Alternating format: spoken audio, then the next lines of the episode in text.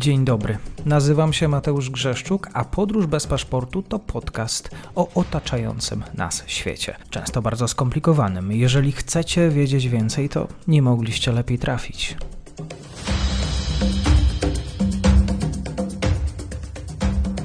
Dzień dobry Państwu, dzień dobry wszystkim słuchaczom. Raport z Izraela dzieje się nadal na Bliskim Wschodzie, albo nie dzieje się, bo również i zainteresowanie y, ogólnoświatowych mediów y, niższe niż jeszcze przed tygodniami.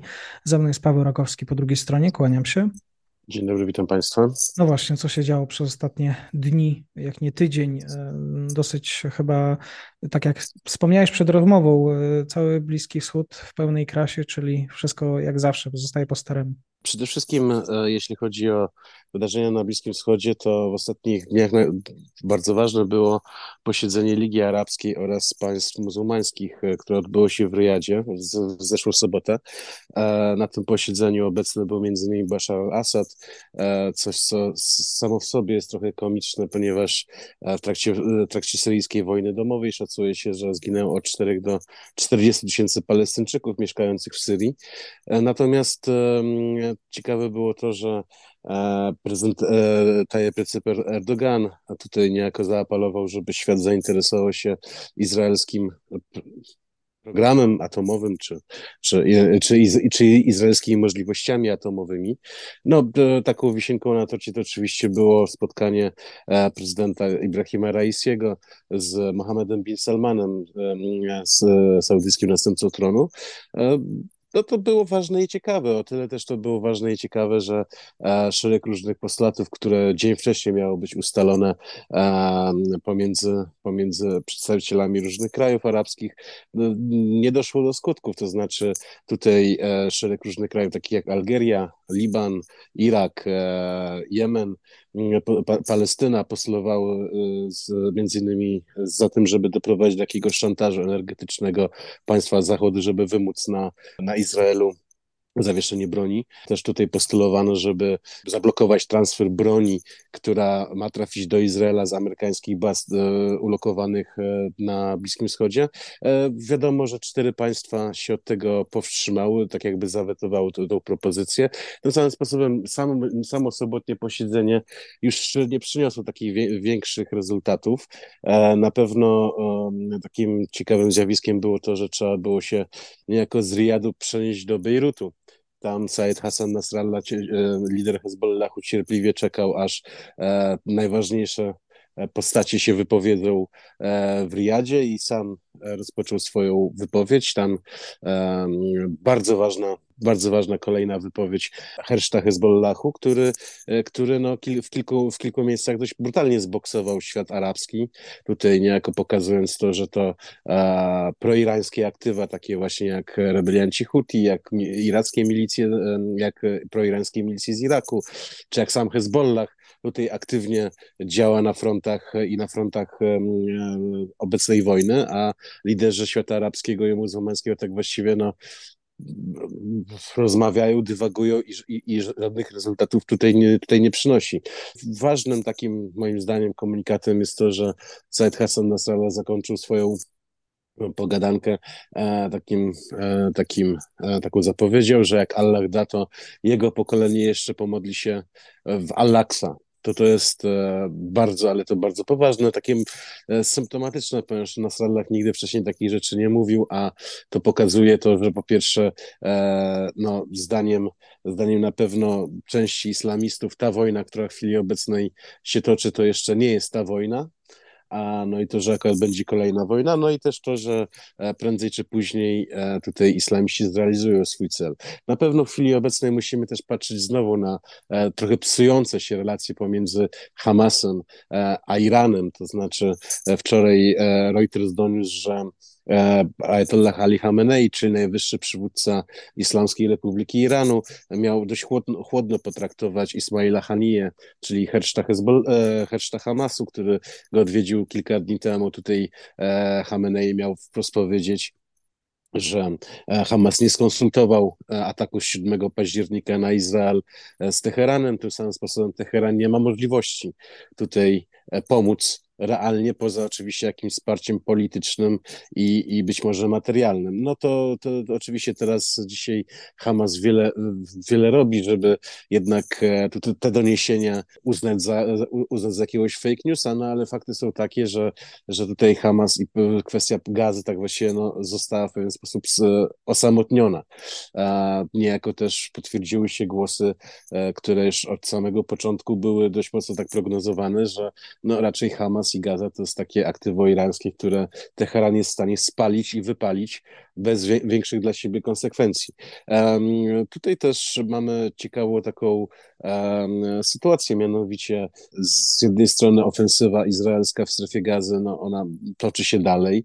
Wszyscy żyjemy tym, co się wydarzyło w okolicach szpitalu, jak i też w samym szpitalu Safiha w strefie, e, w mieście Gaza. No Izrael tak właściwie ewidentnie przestrzelił, jeśli chodzi o e, swoje, swoje komunikaty medialne, ponieważ e, zapowiadane bunkry, jak i też arsenały Hamasu, które w tym szpitalu miały się, miały się znajdować, przynajmniej na tym poziomie, o którym, którym tutaj nas informują w dalszym ciągu, no nie mamy jakichś wielkich doniesień. Wczorajsze, wczorajszy spacer po, po tym szpitalu izraelskiego rzecznika e, został wycofany z mediów społecznościowych e, i generalnie teraz jest uważa całe to nagranie jest uważane za jedną wielką kompromitację izraelskiego biura prasowego. Natomiast E, takim sukcesem na pewno, na, na, który czekają Izra e, zarówno władze izraelskie, jak i te sami Izraelczycy, to są jakieś poważne personalia, to znaczy to, żeby w końcu e, do, doszło do uwolnienia jakichś zakładników przetrzymywanych w niewoli, jak i też, e, jak i też przede wszystkim głowy e, któregoś z ważniejszych decydentów, e, takiego jak Yahya Sinwara, czy może Mohamed Adiefa. na pewno władze izraelskie zakomunikowały, że aresztowały kilku krewnych e, Ismaila Hanii, czyli heczta Hamasu. Tutaj trzeba od razu tutaj powiedzieć, że ci krewni, ponieważ świecie arabskim to są bardzo rodziny, ci krewni podejrzewam raczej no, nie byli tak ważni, żeby, że, że skoro oni w gazie, w gazie rezydowali i mieszkali, no ale to jest, to też pokazuje to, że Izrael po prostu przyjął taką dość mocno arabską, um, arabskie podejście, to znaczy jak nie ma, bez, jak nie ma odpo bezpośrednio odpowiedzialnego, no to bierzemy się za rodziny. To to jest komunikat, to, jest, to są realia tego świata, więc, więc, więc w ten sposób Izrael zaczął w końcu mówić w języku arabskim. Um, takim Tutaj musimy odnieść się oczywiście też do zapowiedzi e, izraelskich decydentów odnośnie kwestii jemeńskiej. To znaczy, w dalszym ciągu mamy e, sytuację taką, że z Jemenu e, lecą rakiety i drony e, w kierunku izraelskiego miasta Eilat. Nie jest to jeszcze jakieś masowe i hurtowe tutaj e, izraelska, jak i też amerykańska, ale też oraz też saudyjska obrona e, antyrakietowa radzi sobie z tym, z tym zagrożeniem, no ale to jest temat, który już nawet władze w Tel Awiwie zapowiedziały, że lotnic, że nie wyklucza tego, że izraelskie lotnictwo uderzy na cele w Jemenie, coś co trzeba będzie obserwować, no bo to jest odległość 1300-1200 kilometrów od, od Izraela i to na pewno będzie ciekawe. W dalszym ciągu oczywiście dzieje się też bardzo dużo na granicy izraelsko-libańskiej, to znaczy tutaj już nawet cynicznie słyszałem taki komentarz, że, że Hezbollah już zbombardował w sumie wszystko, co miał w zasięgu tego pierwszego poziomu eskalacyjnego, teraz już się będzie cofał, teraz już będzie szedł głębiej. Widzimy na, różnych nagraniach zarówno izraelskich, jak i też e, wypuszczanych przez szyitów, że, te, że e, po izraelskiej stronie płotu granicznego, to, to de facto um, tutaj e, tylko pojawienie się już naraża, pojawienie się jakichś żołnierzy, czy na cywilu, czy, czy, czy, czy może żołnierzy w cywilnych samochodach, już naraża automatycznie na ogień ze, ogień ze strony szyitów, czyli że um, cała strona granicy jest tak właściwie no, odsłonięta. Um, w dalszym ciągu nie ma jakiegoś większego poziomu eskalacyjnego. No i też być może raczej się nie, raczej się nie spodziewajmy. Znaczy, e, tutaj Hassan Nasrallah zapowiedział taki oko za oko, ząb za ząb. Dwa dni temu zostali ostrzelani e, libańscy dziennikarze przy, e, po libańskiej stronie. Dzisiaj Hezbollah ostrzelał izraelskich dziennikarzy po, e, po izraelskiej e, stronie płotu. W obu przypadkach nie było, nie było żadnych śmierci ani, ani poważniejszych ran, no ale to pokazuje to, że tutaj ta polityka cios, cios za cios będzie e, dalej, dalej realizowana. Tutaj oczywiście trzeba też patrzeć w kierunku kierunku zachodniego brzegu i generalnie tego wszystkiego, co, co się dzieje, też i też nawet i ze strefą gazy.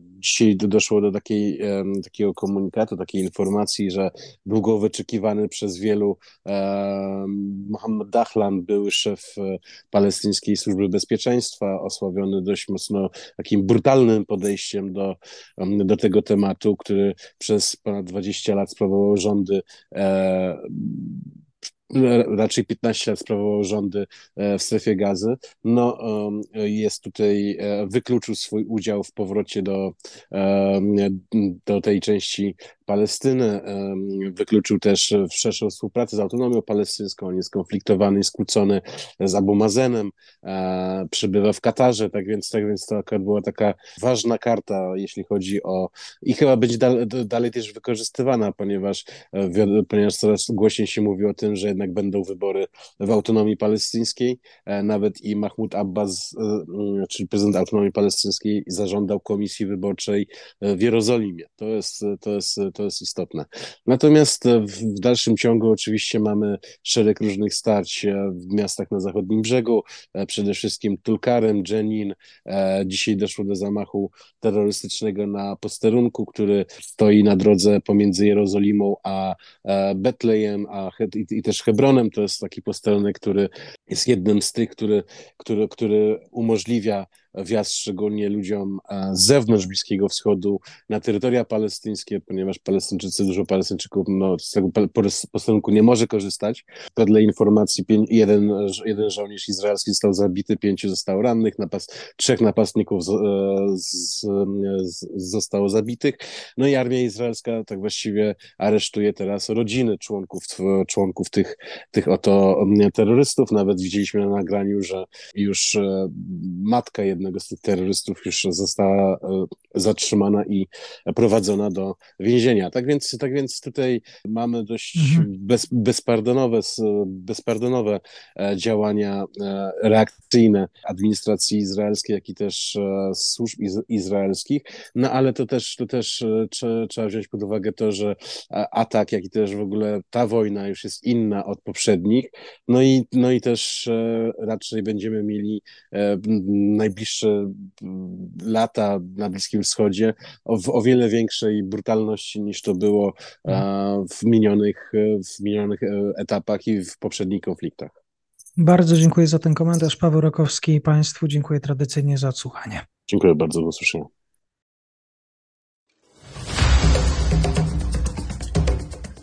Dziękuję serdecznie za odsłuchanie tej audycji. Zachęcam oczywiście do kliknięcia subskrybuj, obserwuj oraz wsparcia mojej pracy na serwisie Patronite.